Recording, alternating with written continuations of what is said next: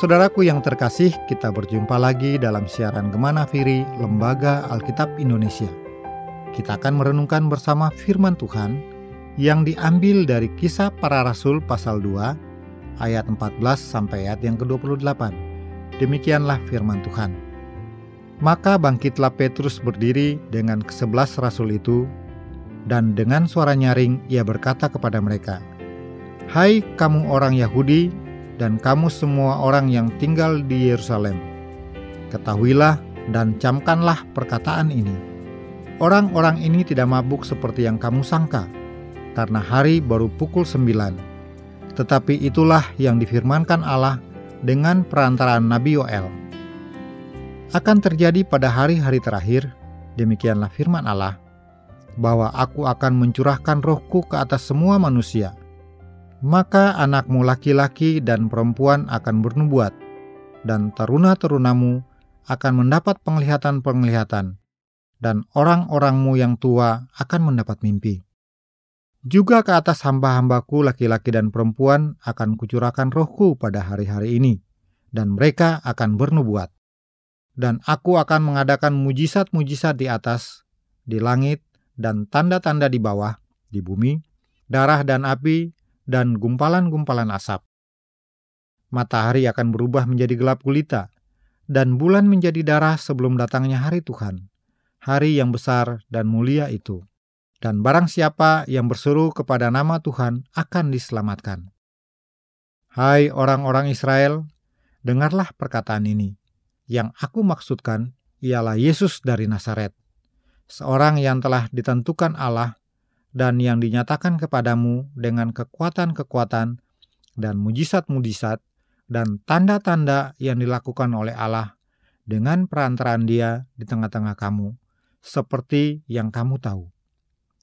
Dia yang diserahkan Allah menurut maksud dan rencananya telah kamu salibkan dan kamu bunuh oleh tangan bangsa-bangsa durhaka. Tetapi Allah membangkitkan dia dengan melepaskan dia dari sengsara maut karena tidak mungkin ia tetap berada dalam kuasa maut itu. Sebab Daud berkata tentang dia, Aku senantiasa memandang kepada Tuhan, karena ia berdiri di sebelah kananku. Aku tidak goyah. Sebab itu, hatiku bersuka cita dan jiwaku bersorak-sorak. Bahkan tubuhku akan diam dengan tentram, sebab engkau tidak menyerahkan aku kepada dunia orang mati, dan tidak membiarkan orang kudusmu melihat kebinasaan. Engkau memberitahukan kepadaku jalan kehidupan. Engkau akan melimpahi aku dengan sukacita di hadapanmu. Saudara-saudara yang terkasih di dalam Yesus Kristus, sungguh menarik firman Tuhan yang baru saja kita baca bersama-sama. Petrus, yang terkenal sebagai seorang yang pelin-pelan dan cenderung penakut, telah berubah atau yang lebih tepat diubahkan menjadi pribadi yang sangat berani untuk menyatakan imannya di depan orang banyak. Tentu kita masih ingat dengan tokoh Petrus, seorang tokoh yang cukup konvensional di antara para murid. Bagaimana tidak? Ia adalah orang yang pernah menyangkali kedekatan dan hubungannya dengan Yesus di depan orang-orang. Sebelum ayam berkokok menjelang pagi, ia telah tiga kali menyangkal Yesus. Hal itu terjadi karena ketakutannya untuk mengakui bahwa ia adalah seorang dari murid Yesus. Ia takut kalau-kalau orang akan menangkapnya dan menyeretnya untuk juga disalibkan bersama Yesus. Bersaksi di tengah-tengah dunia yang tidak mengenal Kristus, bahkan antipati, memang bukanlah perkara yang mudah. Bahkan terkadang ada anak-anak Tuhan yang malu mengakui bahwa dirinya adalah seorang Kristen. Ia kerap menyembunyikan imannya, terutama jika berada di sebuah lingkungan yang orang-orangnya memiliki kepercayaan berbeda. Seperti Petrus, ada risiko yang mungkin dihadapi atas identitas yang kita miliki. Orang-orang bisa menjauh, karir bisa dihambat, menerima perlakuan diskriminasi, dan banyak kemungkinan lainnya yang membuat kita menjadi takut.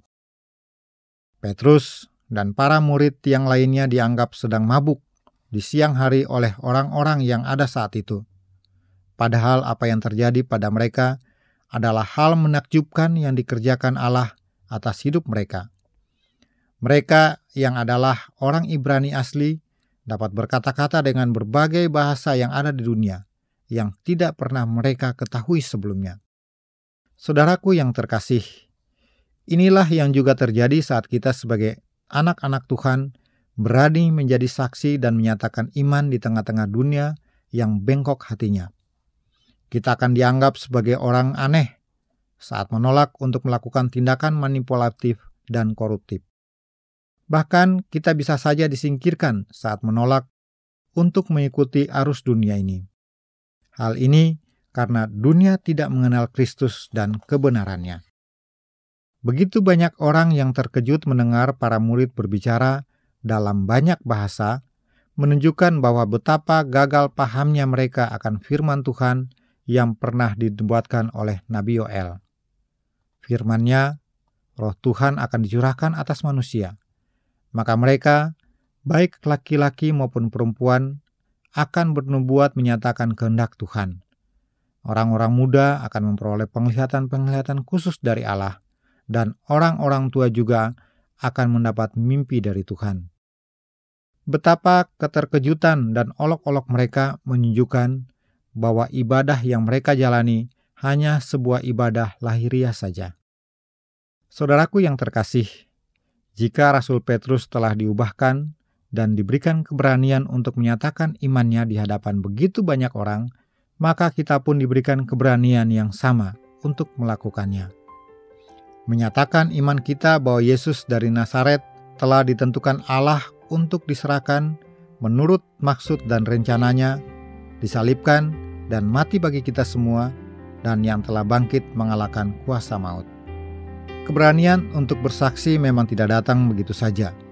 Selama mengikuti Yesus, Petrus telah berkali-kali gagal menyaksikan imannya, dan puncaknya saat ia menyangkal Yesus sebanyak tiga kali.